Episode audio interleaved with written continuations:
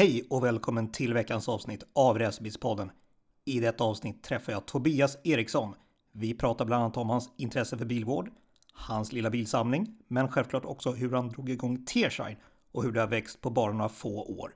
Avsnittet spelades in den 18 april. Trevlig lyssning!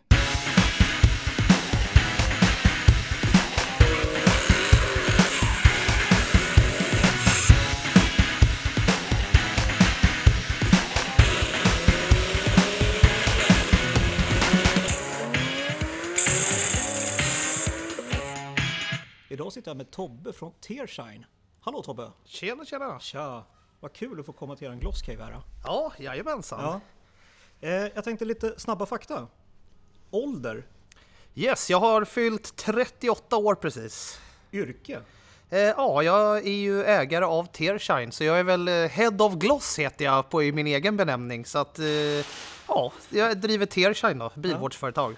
förutom bilintresse. Eh, så är det mycket musik i mitt liv, eh, men sen är det ju är man bilintresserad så är man ju bilintresserad alltså, och då eh, finns det ju inte så mycket annat. Men Nej. annars generellt sett så absolut så är det vanliga, hänga med polare och familj och alla sådana där grejer. Men eh, musik har varit en stor del av mitt liv tidigare då. Ja, härligt. Hur började ditt bilintresse om vi börjar där i den änden? Eh, och alltså bilintresset har ändå varit en stor del av mitt liv, alltså ända sedan man kanske var liten. Men jag var väl inte riktigt sådär eh, att jag bara lekte med bilar och sånt när jag var liten. Men, eh, men framförallt kanske i tonåren och framåt då, så började jag gilla lite moppar och krossar och allt sånt där runt omkring. Och sen föll det väl sig ganska naturligt att gå över till eh, bil, bildelen då, när man började närma sig. När man fick börja köra bil och liksom när man tog körkort och sånt där. Ja.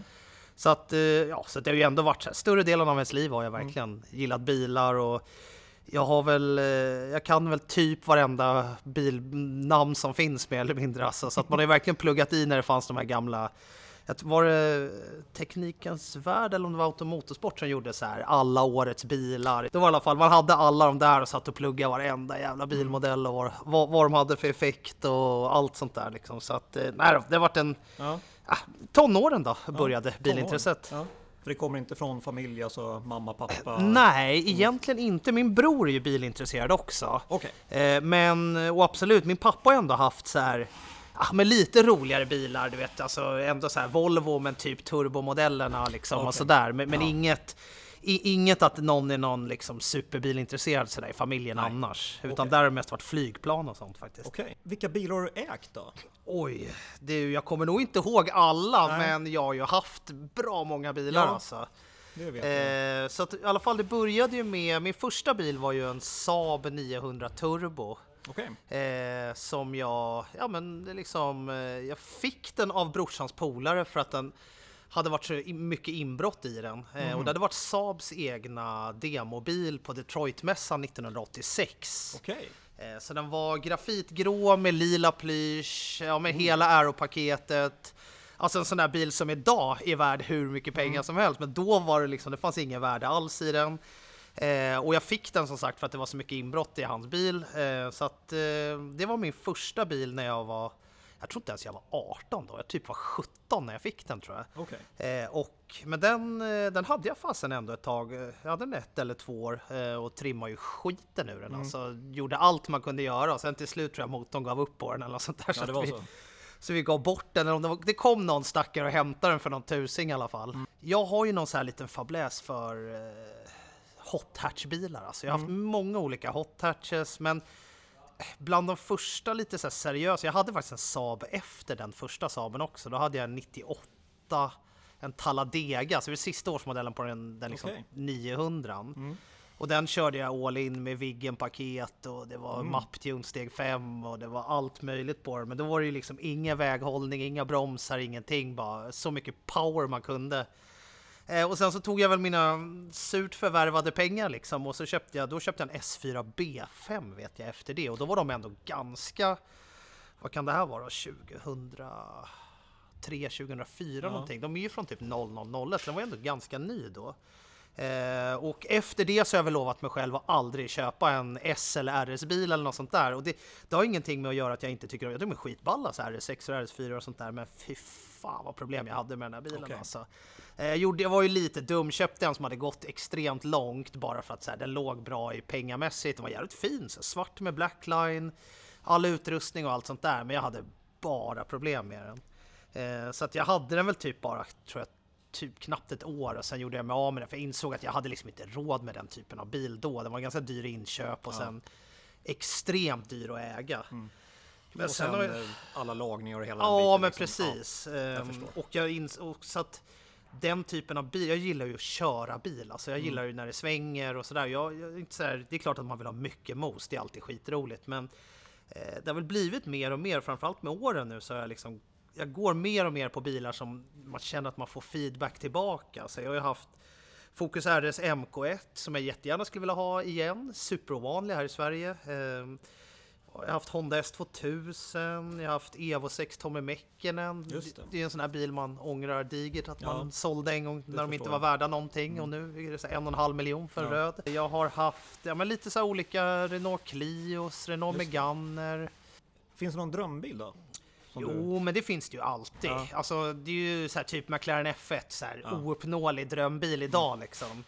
Eh, och det är, ju, mer- det är ju mer för att man, när man var liten så tyckte man, alltså, det är ju, det är väl typ allas drömbil, mer eller mindre nästan. Men annars så är det ju, jag gillar ju, dels gillar ju lite äldre bilar. Nu har jag väl Mm. lite så här senaste åren insett att jag gillar ju kanske inte själva mecket runt omkring. Nej. Även om jag har, jag har ju en del fina gamla bilar själv nu också. Men det är alltid något som behöver fixas. Eh, Men annars så är det faktiskt så att det, det är röd Tommy Mäkinen. Det, det är liksom, spelar ingen roll om någon viftar med Ferrari eller Lambo-grejen utan det, det är liksom, det är en, fortfarande en av mina drömmar. Nu har jag haft en sån men det, liksom tillbaka åt, då? man återkommer till den hela tiden, Ja. att jag jättegärna skulle vilja ha en sån Ja. igen. Och sen självklart har man ju alltid så här, sneglat lite på Toyota Supra, Escort Mm. Cosworth tycker jag är stenhårda. En, eh, någon, eh, en Porsche GT3 eller en GT3 RS tycker Mm. jag är jättefina så också. Eh, och sen eh, faktiskt en som jag också så här, alltså absolut en, en av de ballare bilarna jag kört tycker jag är ju rent feeling vad den ger tillbaka och sånt. Eh, en Lamborghini Huracan Performante, är ju, Okej. de, de är fantastiska att köra. Alltså. Mm. Och förutom så, typ en McLaren F1 eller en P1 skulle jag vilja ha Ja. också. Men det är från dag till dag. Ja men alltså det är ju lite så här, precis. Jag skulle vilja ha en Ferrari F50, en F40, alltså det finns ju Oändligt. Ja men det finns fan med Ja, oändligt med ja. bilar man vill ha. Det är lite så här, jag skulle vilja ha, dröm... Setupen skulle ju vara någon så här att man har en del med liksom bara gamla rallybilar, en Mm. med lite supersportbilar, alltså som man har lite för dagen. Så Ja. jag, jag väl ingen så där rakt på att den här måste jag ha liksom. De bilar du kör idag, alltså de flesta har väl koll på att du har din Lotus Elise. Mm, jajamensan. Ehm, Kan du berätta lite hur den kom till? Mm, jajamensan. Eh, och då var faktiskt tanken, hela planen var att jag skulle köpa en Z4 MQP. Okej. Eh, nu börjar det bli ganska många år sedan. Jag tror jag haft den i nio år. Men så att jag var på väg ner till Göteborg för att köpa en Z4 MQP. Eh, för att jag ville ha det ju den med E46 M3-puffran i. Eh, och så var tanken att jag skulle åka ett ESS 550 kit på den, så det skulle vara 550 häst. Eh, men på vägen ner så blev den såld, så han ringde ju mig och bara ah, “sorry” det, på något jävla magiskt sätt. Eh, och då blockade jag lite på, på, på vägen ner liksom. Och då fanns det en utanför Göteborg, en Lotus Elise med ett eh, Turbo Technics kompressorkit på sig. Eh, för Lotusen har ju eh, den har ju bara 134 häst original, så att det är ju en ganska trött bil sådär. Men då en fantastisk eh, liksom, liten mini-racerbil. Ja. Eh, och då skulle den ha, det var Turbo Technics 200 hästars kit i den. Och den låg ungefär för samma pengar som den här Z4 MQP. Okej. Så, och då blev det ju så här, vad fan, nu har jag ju ställt ut den där postväxeln som det var då. Det var ju innan Swish och grejer. Ja. Eh, Så jag kände bara, "Nej, men vad fan, nu har jag ju ställt in mig på att köpa en bil här. nu måste jag ha en bil liksom. Eh, Så att jag, eh, nej men så jag stannade till där mer eller mindre och nästan, ja, det blev typ ett spontanköp. Jag hade egentligen inte tänkt att jag skulle köpa en Lotus överhuvudtaget. Men, eh, och den, eh, det blev ju både kul, alltså den har gått jävligt kort, fin vänsterstyrd, eh, alla rätt eh, sådär och det är ju en Early S2 då, som den heter och det är ju den eh, som är den absolut lättaste så att original väger de 715 kilo. Eh, Men eh, redan på vägen hem sköt jag topplockspackningen och alla som hållit på med Lotusarna med de här Rover-motorerna de är liksom byggda i smör typ. Okej. Ehm, och så vi fixade det, sen tog det typ en månad, så sköt jag topplockspackningen igen och så fixade vi det en gång till. Och sen hände det en tredje gång, trots att jag hade köpt alla såna här grejer till och den där motorn var ju byggd och så, men, men det funkade ju inte med det där kompressorkittet.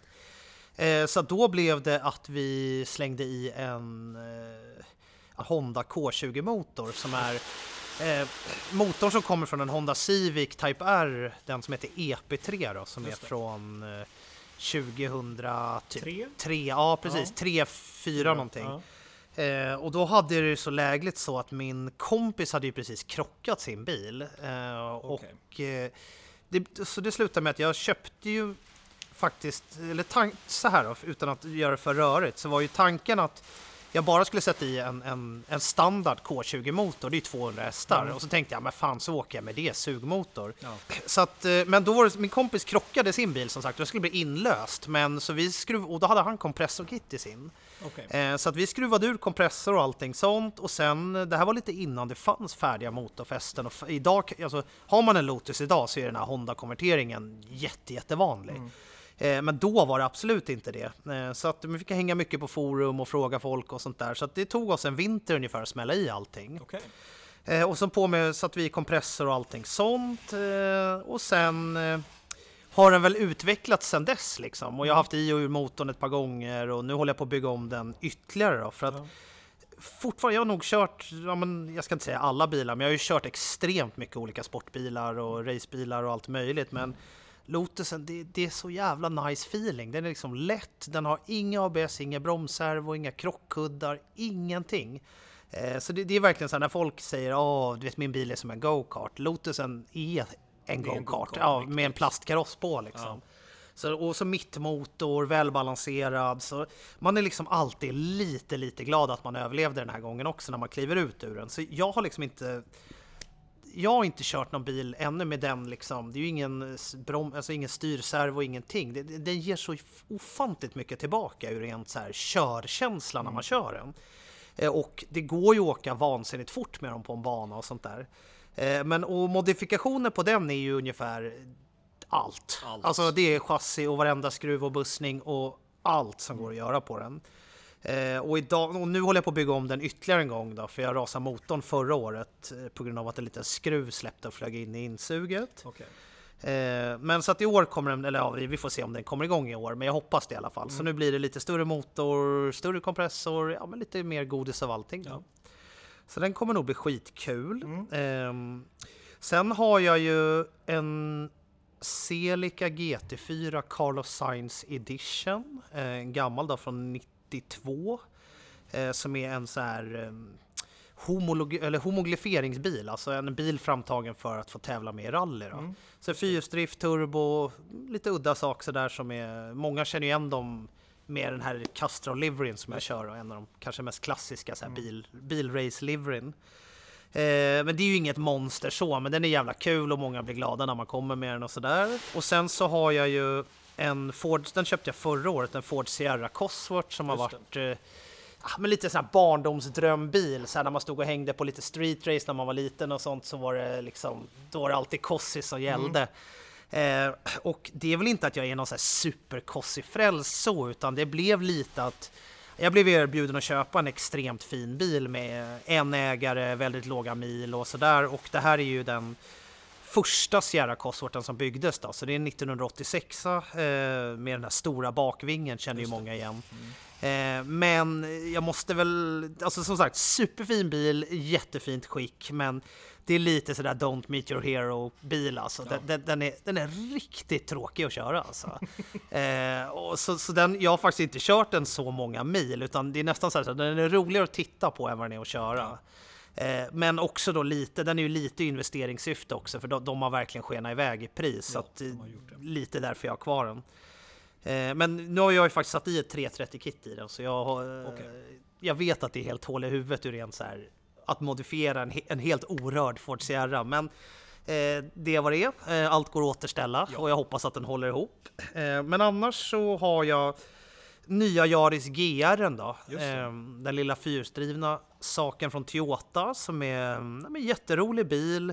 Fantastiskt när det är halt och blött och snö och sånt där. Eh, och, för där är ju annars nackdelen när man hållit på med bilar alla år. Jag har ju lite fabläs för så här framhjulsdrivna bilar annars. Eh, det är ju att det är kul när det är sommar och sen så är det ju inte riktigt lika kul när vintern kommer. Eh, Så att eh, den har funkat skitkul att ha i vinter och sen så har jag även en Renault Megane Trophy R. Nuvarande rekordhållaren på ringen då. Just det. Eh, och på lite andra banor också. Eh, så att det är ju ja, världens snabbaste framhjulsdrivna bil då med en hardcore-version från Renault med eh, tunnare rutor, inget baksäte, Öhlins chassi, Akropovic titanavgassystem, kolfiberhuv. Eh, men jävligt hardcore liksom Ja. från fabrik. Ja. Så det är väl de, eh, de fem bilarna jag har Ja. idag. Och sen, jag skulle gärna vilja ha 500 till. Ja, Eh, så vi får väl se hur garaget ser ut om, Ja. ett, om ett tag då. Får växa ordentligt. Ja, precis. Du har ju kört mycket bana och sådana saker. Hur kom det intresset? Ja, dels så gillar jag att åka småvägen ut i Roslagen och allt sånt där. Och sen är det ju att jag har, många av mina kompisar kör ju bana, så att jag... Det var väl egentligen när jag hade min Focus RS MK1. Eh, Det var väl typ bland de första bilarna som jag verkligen tog ut, så här, för typ som en S4 och sånt där, det är ju inget att plocka ut på en bana. Eh, Så det var väl de första gångerna jag körde med en sån, för den är ju ändå diff och jag satte på någon lite ballare däck och sånt där. Eh, Så att jag har väl ändå kört en hel del banor. Jag ska ju absolut inte säga att jag är någon superracerförare på något sätt, utan jag kör för att det är kul. Ja. Brukar sällan ta tid och sånt, men absolut så har jag kört mycket bana. Eh, och eh, det blir ju mer och mer, i alla fall tidigare när man bara kanske, när man bara hade en bil, så blir det ju så här, man blir ju jävligt varse på bana om att det man tyckte var lite vasst på gata, det är ju bara skit på bana helt plötsligt. Så att, eh, då har jag ju haft några bilar där man egentligen byggt sönder bilen och alltså det blir nästan liksom att helt plötsligt så är det inte en gatbil längre utan den är bara preppad för att, för att åka bana med liksom. Eh, Men nu har jag väl försökt hålla mig lite sådär så att alla bilarna jag har ska kunna gå åka lite både och med. Ja. Eh, och där är väl lite också tyvärr med Lotusen, den har också blivit så här, alltså den är inte kul att åka gata med längre. Så den, den har ju nästan blivit som en typ min primära banbil. Okej. Re, alltså rent så. Men nu Jarisen och, Trof och Trofären där, de funkar ju skitbra på bana också. Mm. Eh, så att jag har väl typ från 2005 då egentligen. Och Okej. det, det, det är inte att jag har varit så här 100 track days per år liksom, utan jag har försökt åka lite då och då. Och det är ju som med allt, fan det är ju skitdyrt att åka bana och Ja. sånt. Och man ska få räkna med att saker går sönder och liksom det är däckskostnader och det är allt runt omkring. Så att jag har försökt köra så mycket jag kan liksom. Eh, eller så mycket som man har råd med Ja. helt enkelt. Men har du något mål med bankörning? Eller är det bara det, det ska vara kul att köra på bana? Ja, nej, alltså vi, vi har ju blivit... Folk har ju varit på med all, alltså att jag ska, man ska börja köra time attack och Ja. där grejer. Vi har ju sagt att vi kanske ska vara med någon gång. Mm.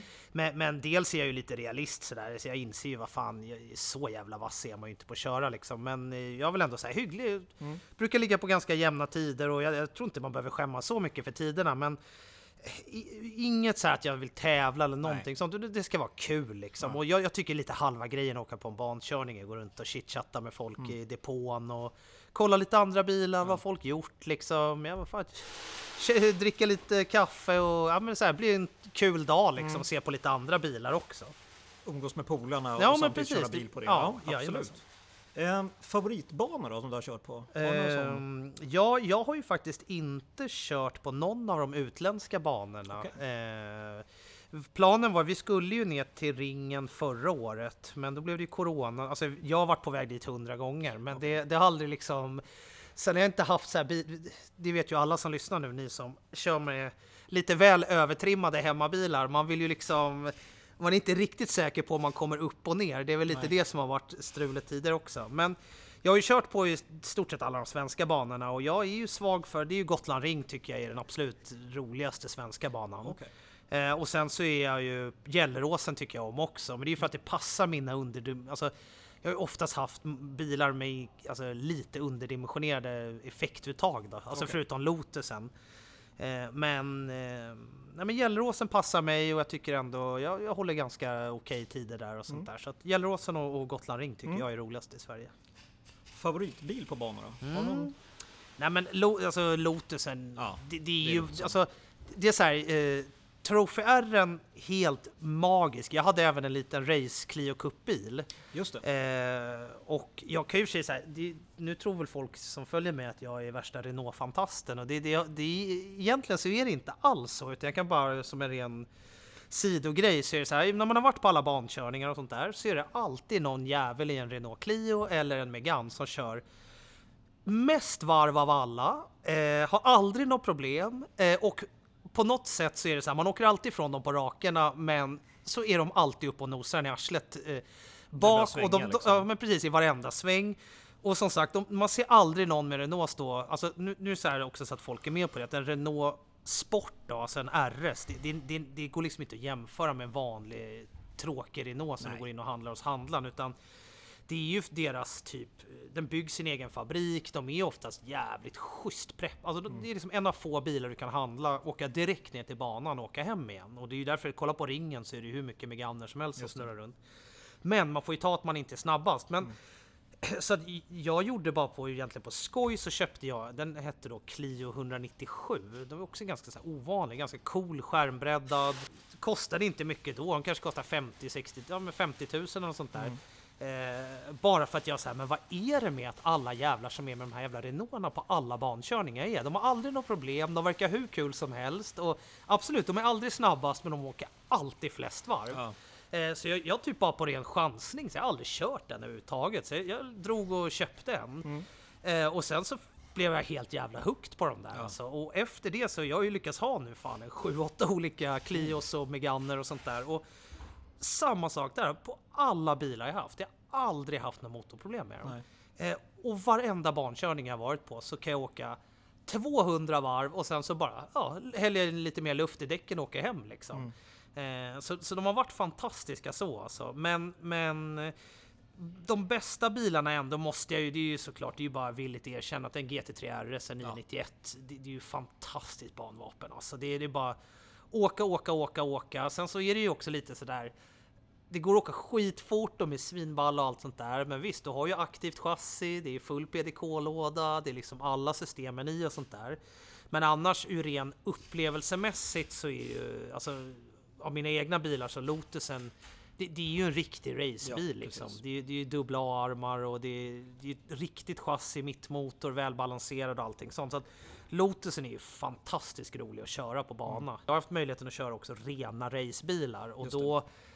Då framstår ju allt annat som ganska plojigt alltså. Ja, jo det är klart. Det är Eh, klart. men, men, men, men Lotusen och GT3 RS då får Ja. jag väl säga är väl kanske de roligaste jag kört på bana. Bra. Eh, jag tänkte, jag har ett segment som jag kallar för Fyra snabba. Motorljud eller stereoljud? Eh, då måste jag nog nästan säga stereoljud, för jag är ju lite hifi-nörd alltså. Så Okej. jag, jag gillar ju stereo överhuvudtaget. Mm. Men självklart, jag gillar ju ett gott motorljud också Ja. alltså. Eh, på gata eller på bana? Eh, det är nog 50-50 där måste jag säga. Eh, det är ju klart att större delen av eh, säsongen åker man ju på gata och det är skitkul att åka gata. Men skulle jag bara...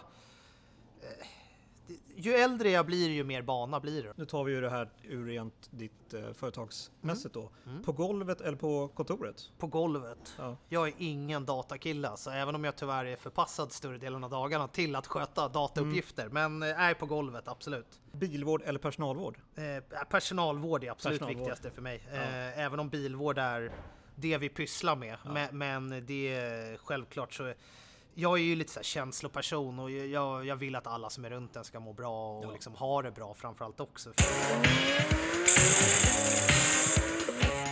Eh, jag tänkte vi kan ju prata lite om Tearshine. Mm, jajamensan. Din eh, bebis kan man Mm. väl kalla det då. Ja, precis. Hur kom det till? Eh, ja du, eh, det kom till som så att jag jobbade tidigare med teknisk utveckling av smörjmedel, alltså motoroljor, transmissionsoljor och även smörjfetter. Okej. Eh, och då, jag har ju alltid haft så här, jag, alltså jag har ju dels alltid älskat bilar men framförallt har jag ju sådär varit den i gänget som alltid har bäst puts och liksom alltid Nästan du vet så att man säger jag skiter i att ta ut bilen nu för nu har jag putsat så jävla mycket på den. Så att jag har ju alltid gillat att hålla på och putsa på bilar och sånt. Eh, och sen har jag haft någon liten sån här dröm i bakhuvudet att så här, fan det vore ju skitkul att bara typ göra ett schampo eller vet du, ha en egen produkt liksom som är ens egna grej. Så jag har ju gått och tänkt på det länge men det är ju tack vare mitt gamla jobb som jag, när jag var på utbildning hos Lubrizol i England, eh, som är en av världens största additivtillverkare, alltså tillsatserna i drivmedel och smörjmedel och sådär. Okej. Eh, Så person, och då har de en så här stor anrik som man är där ett par veckor och lär sig om alla jävla additiv och grejer och sånt. Eh, Och då var det snubben som satt bredvid mig på den här utbildningen. Han kom från bilvårdsindustrin och hade precis gått över till ja, alltså fordonsindustrin då istället, Okej. alltså smörjmedel och sånt. Så att det slutade med att det enda vi gjorde var liksom, vi pratade bara bilvård där i tre veckor. Alltså det var det enda vi gjorde på alla raster och allting. Eh, och då liksom kom också idén när han, man bara, fan det är klart vi ska göra det här och vi skulle kunna fixa det ena med det tredje och sånt där. Så att eh, där egentligen var det väl så det blev en fysisk produkt. Sen har man ju alltid så här, fan det hade varit kul att göra något och sånt där. Men det var tack vare den utbildningen då som det egentligen första utkasten för produkterna. För att då, då fick jag hjälp av honom då att formulera grunderna. Okej. Sen är det mycket också tack vare mina gamla kollegor som har ställt upp och hjälpt till, vårt gamla labb. Det är liksom det, det är många kockar i grytan, men självklart med min vision om hur det skulle kunna vara eller vad man skulle kunna göra och kanske vad man kan göra annorlunda. Liksom. Just det. Så att, och det är 2015 var det då. Okej. Så att det är ett par år sedan. Ja. Och tanken med hela T-shine är heller att det skulle ju aldrig vara någonting. Alltså det, det, det var ju bara, precis som när man gör en tvål på, är det kemin eller vad det är i plugget liksom. Eh, det skulle bara vara en rolig grej. Jag gjorde ett schampo eh, som vi höll på med fram och tillbaka, fram och tillbaka och sen eh, gav jag det till lite polare och sen så var det liksom, sen blev det bara ringar på vattnet så att eh, ja. Eh, Fler ville ha det. Ja men det blev så här, Ja. liksom, det, det spred sig i- jävligt bra i bilvärlden att fan jävla grymt schampo och sen blev vi ju nästan tvungna då inom parentes att göra lite fler produkter och andra grejer och sånt där så att eh, eh, ja, det- blev liksom ganska naturligt att det blev bilvårdsprodukter för det, det är det alltså jag, jag tycker ju att det är extremt jävla roligt med att putsa på bilar och liksom allt runt omkring. Ja. Ehm, Schampo du pratade om, var det Purify som ni har Nej, idag? utan det var Nej. vanliga Purify. Vanliga Eh, Purify. Så första versionen på det då. Okej. Eh, och då var det att jag ville ha ett så superkoncentrerat schampo, det skulle skumma bra, det skulle inte innehålla några shady grejer. Eh, och det kan man väl i och för sig så här nu utan att folk... Båda våra schampon är ju mer eller mindre, det är väldigt snarlikt ett som ett väldigt exklusivt eh, bodyschampo. Jag ville göra produkter som var så snälla som möjligt för jag själv så jävligt, alltså jag har märkt under alla år jag hållit på med bilvårdsprodukter hur mycket det påverkar kroppen, får jävligt lätt så här torr hud, alltså, och allt runt omkring och ju mer man kan om kemi och allt runt omkring så innehåller ju väldigt mycket konstiga saker som det kanske var okej för tio år sedan men ju mer man, man vet om det liksom. Så att båda våra schampon är faktiskt i grunden så utgår de ifrån, alltså jag ska inte säga att de utgår ifrån men de är tekniskt sett ganska snarlika. Alltså ett, ett, ett, ett, jävligt schysst typ som du, om du går på bodyshop typ och köper. Alltså, av de lite schysstare modellerna så är liksom grundformulan ganska lik en sån, vilket Okej. många nog inte tror. För att det är ju lite så här med kemikalier överhuvudtaget, det är så konstigt. Man måste ju märka alla produkter med olika varningssymboler och allt sånt där.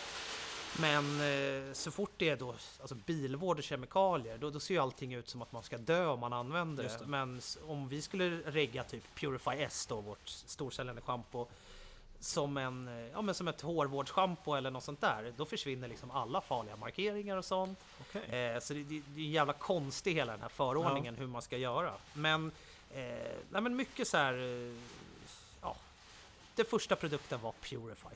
Sen är ju det en lång tid tillbaka så att det, Ja. ju- det är ju Egentligen så, und- och det, det har jag väl tagit upp någon gång innan, så undrar jag inte att inte fler folk klagade på produkterna i början. Okej. För det var ju väldigt sådär, det var liksom gjort i några liter per gång, det skilde som fan i tjocklek och lite Oj. så här. Vi, för varje batch så liksom typ försökte vi uppdatera någonting som vi hade gjort i förra batchen tyckte vi, ja men vi, vi skulle kunna hotta upp någonting och sånt där. Så att eh, det var, en- det var ändå ganska stor skillnad på varje flaska som släpptes då liksom. Okej. Men det var väl lite charmen av det också, som Ja. att brygga öl eller något Ja. annat liksom. Det blir lite olika från gång till gång. Mm. Fler produkter som blev sen då efter det? Mm. För du har ju liksom släppt eh, allt från fälgrengöring till liksom eh, olika sprayvaxer till eh, fönsterputs till interiörtvätt och allt sånt där. Ja, jajamensan. Och då Eh, det är ju liksom mer sådär, de två första produkterna var ju dels Purify, det här schampot, och sen så då Refract som är våran så här keramiska, jag kallar för en quick coat.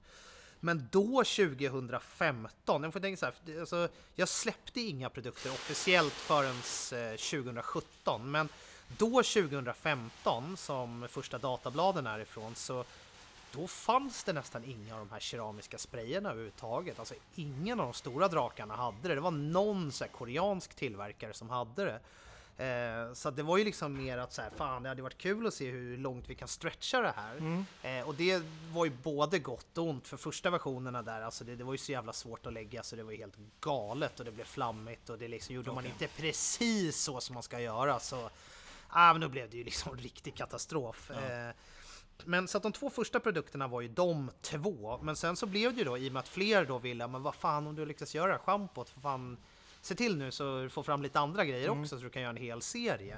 Och sen är det ju så här, vad fan, det är ju inte rymdfysik, det är ju liksom Ska man, ja men om man vill göra en fällrengöring, du, du kan liksom inte, det är som att baka en sockerkaka, du ja. kan göra det på olika sätt men du måste ändå alltid ha ägg, socker och några andra grejer mm. i. Och det är ju lite samma sak med bilvård. Ja. Eh, så att grunderna för att ta fram någonting är ju inte helt mm, jättesvåra. Om man inte ska göra typ som då Refractan som var en helt ny typ av produkt eller Typ idag våran Magnify Coating som är helt VOC-fri och helt fri från högfluorerande ämnen. Det är vi ensamma om, mig vetligen i världen, om att okay. ha. Vilket då inte ens någon av de här stora, de har inte brytt sig om att, att göra något sånt.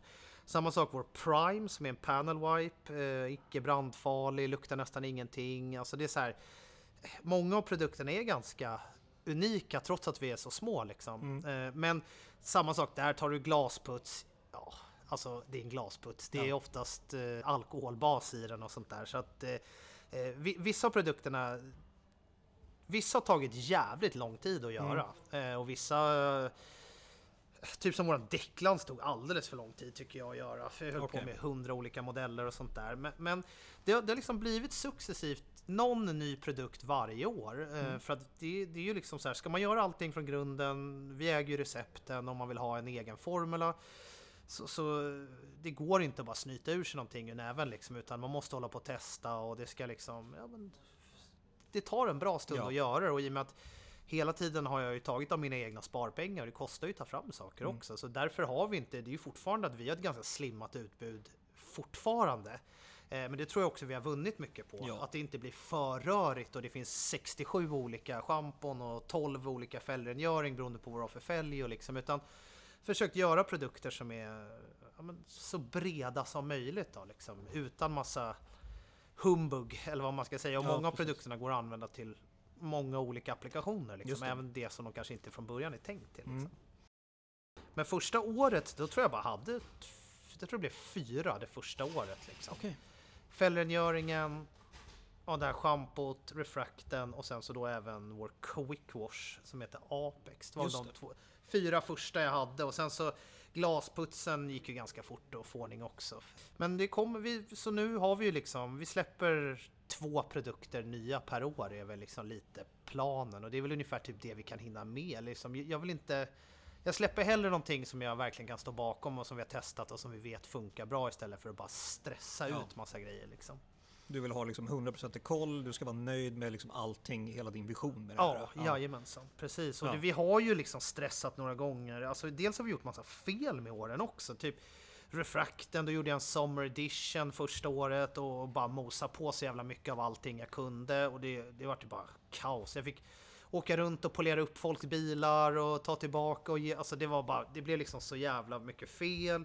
Apex Plus gjorde vi en helt kass batch av som också var jättedålig. Sen har det varit, alltså det har varit jättemycket smågrejer hela tiden. Så folk har ju varit jävligt förstående och jag har alltid försökt vara så öppen och ärlig med och liksom, ah, nu har det blivit fel här eller vi har gjort det här. Men då var det ju mycket när vi gjorde det själva, vi gjorde små batcher.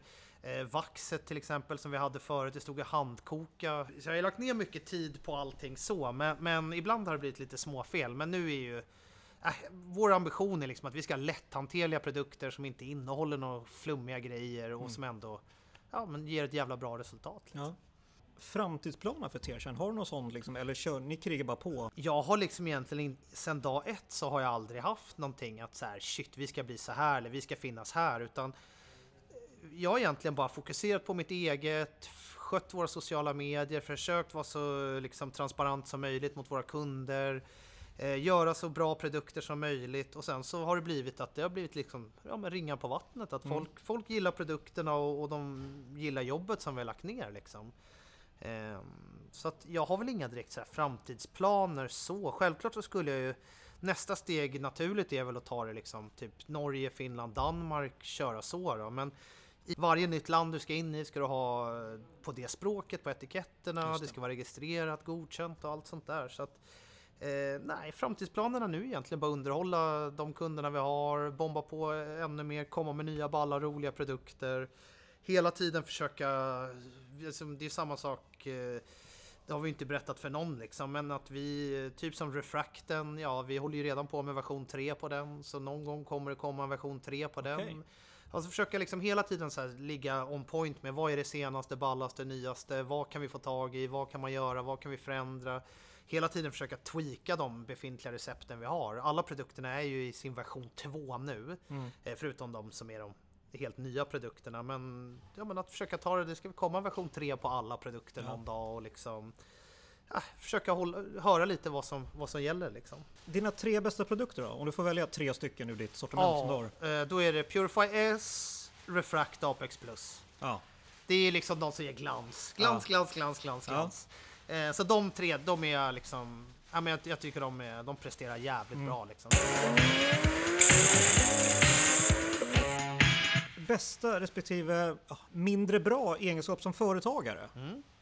Eh, nej men det bästa är väl eh, dels tycker jag, i och med att jag tycker det är så jävla viktigt med hur alla omkring en mår och, och alltså allt runt omkring sånt där. Dels att vi har jag brukar skoja lite att vi har en lätt ADHD-anpassad arbetsplats här liksom. Eh, nu är det svårt för er som inte, ni får gå in och kolla på någon YouTube-kanal eller något sådär får ni se. Vi, Alltså jag vill att det ska vara inspirerande ställe att vara på. Man är ju så mycket på jobbet hela tiden. Eh, så jag tycker väl att jag är ganska bra på att vara lyhörd och att ja, men få alla att må bra, lite teamandan. Men däremot så har jag ju lite, i och med att jag har lite kombinationer själv med bokstavskombinationer ja. så eh, har jag ju jävligt svårt ibland att ta tag i så här tråkiga grejer. Jag skjuter okay. oftast allt jävla skit bara framför mig och så får man ta tag i det sista sekund. Eh, ni som har följt mig länge vet också att jag kanske inte är mästare på logistik. Det blir oftast väldigt lite försenade leveranser och mm. lite dålig lagerhållning och lite allt möjligt och sånt där. Men äh, så, det är väl ganska... Jag, jag, är inte så jävla duktig på sånt liksom. Eh, jag tänkte i samma anda, fast vi tar det i ditt bankörarintresse också. Mm. Bästa respektive mindre bra egenskap där då? Eh, det det, det, bästa är väl att jag brukar vara ganska så konsekvent. Okej. Okay. Eh, alltså, jag, jag, jag, tror att jag skulle vara rätt bra som så här långloppsförare eller någonting. Alltså, jag brukar ligga på ungefär samma tider hela tiden. Eh, och jag har väl en så här... Eh, så jag kan mata av ganska många varv och ligga på ungefär samma tider. Mm. Eh, däremot så är jag så här... Det, jag är nog lite, lite för feg för, för att verkligen klämma ur det sista. Så det är så här absolut, jag, jag, vet att liksom, eh, med tusen min Lotus, jag har lagt ner så jävla många, oseriöst många tusentals timmar på ja. den bilen. Jag vet att bilen kan prestera sjukt mycket mer än vad jag plockar ur den. Men det är så här, jag vill inte krascha av, jag vill, alltså det är så här, ibland kan jag känna att jag blir så här, jag fegar lite för mycket för att jag så här, ah, men, men, att jag inte, jag, jag vill liksom inte, jag, jag, vill inte riskera att typ damma av eller något Nej. sånt där. Så det har väl varit lite så här nackdelen, men sen är det ju som med allt annat, alltså det, men det har ju lite med hur man... Man kan alltid bromsa lite senare, man kan alltid göra något lite bättre hela tiden. Men, mm. men lite sådär att jag är lite för feg, för jag har ju dammat av på skarpen några gånger på gatan okay. och så varit nära på nästan stryka med alltså. Och det, okay. det sätter sina spår fortfarande, framförallt den där lilla jävla Lotusen som man vet att voltar man med den, då är det ju liksom good night. Ja. Eh, och sen har jag åkt av med den ordentligt på Mantorp en gång när jag tappade den efter start och mål-rakan. Eh, och så efter det så, jag kan bli lite feg ibland, men det, det, ja, det, det jag vet att det är så, det skiter jag i liksom. Ja. Alltså, utan jag kör för att det är kul. Ja. Men, så det är nog fan min sämsta egenskap, att mm. jag, jag, ibland vågar jag inte riktigt plocka det sista som, som går att göra. Så. Ja. Eh, finns det någonting du vill tipsa i podden om? Eh, ja, dels tycker jag man ska följa oss i sociala medier, för jag tycker vi lägger upp ganska mycket kul. Eh, men annars, det beror lite på. Jag vet faktiskt inte. Nej, jag får väl nästan vara lite självgod och säga mm. att jag tycker följ oss eller kolla våran typ Youtube och sånt där ja. om ni gillar lite så här. För vi brukar ändå försöka lägga upp lite på bankörningar och sånt mm. där som vi, som vi är med på. Ja. Eh, då tänkte jag fråga, finns ni på sociala medier? Ja, ja. jajamensan. Vi finns på alla. Youtube och Instagram, Facebook, TikTok, Snapchat och ja, vi, vi, finns överallt ja. liksom. Och det är kort och gott Tearshine? Ja, Tearshine ja. överallt. Ja. Eh, vem skulle du vilja höra i podden? Eh, det skulle vara kul att höra någon, eh, någon riktig, någon som har kört, eh, alltså typ Ted Björk eller Rickard Göransson eller någon av de här svenska som ändå dels har varit ute och tävlat internationellt och sen som en får höra lite deras historia runt omkring med hur, på samma sätt, hur de kom i bilvärlden ja. och bankörningen och sånt där. Så mm. att, ja, det varit skit, men framförallt kanske Ted Björk skulle jag väl själv vilja höra, för han är ju ändå tävlat jävla massa år i utlandet och sånt där och gått jättebra för honom och sånt där. Så det är väl någon som jag själv skulle vilja höra. Mm. Då får vi hoppas på att jag kan fixa det. Ja, jajamensan. Men fan vad kul att få komma hit. Ja, tack det själv. Det här är ju som sagt en riktig lekstuga för vuxna det här. Ja, verkligen alltså. Men jättekul att du ville vara med. Ja, tack ja. så mycket. Så får du ha det bra. Ja, detsamma.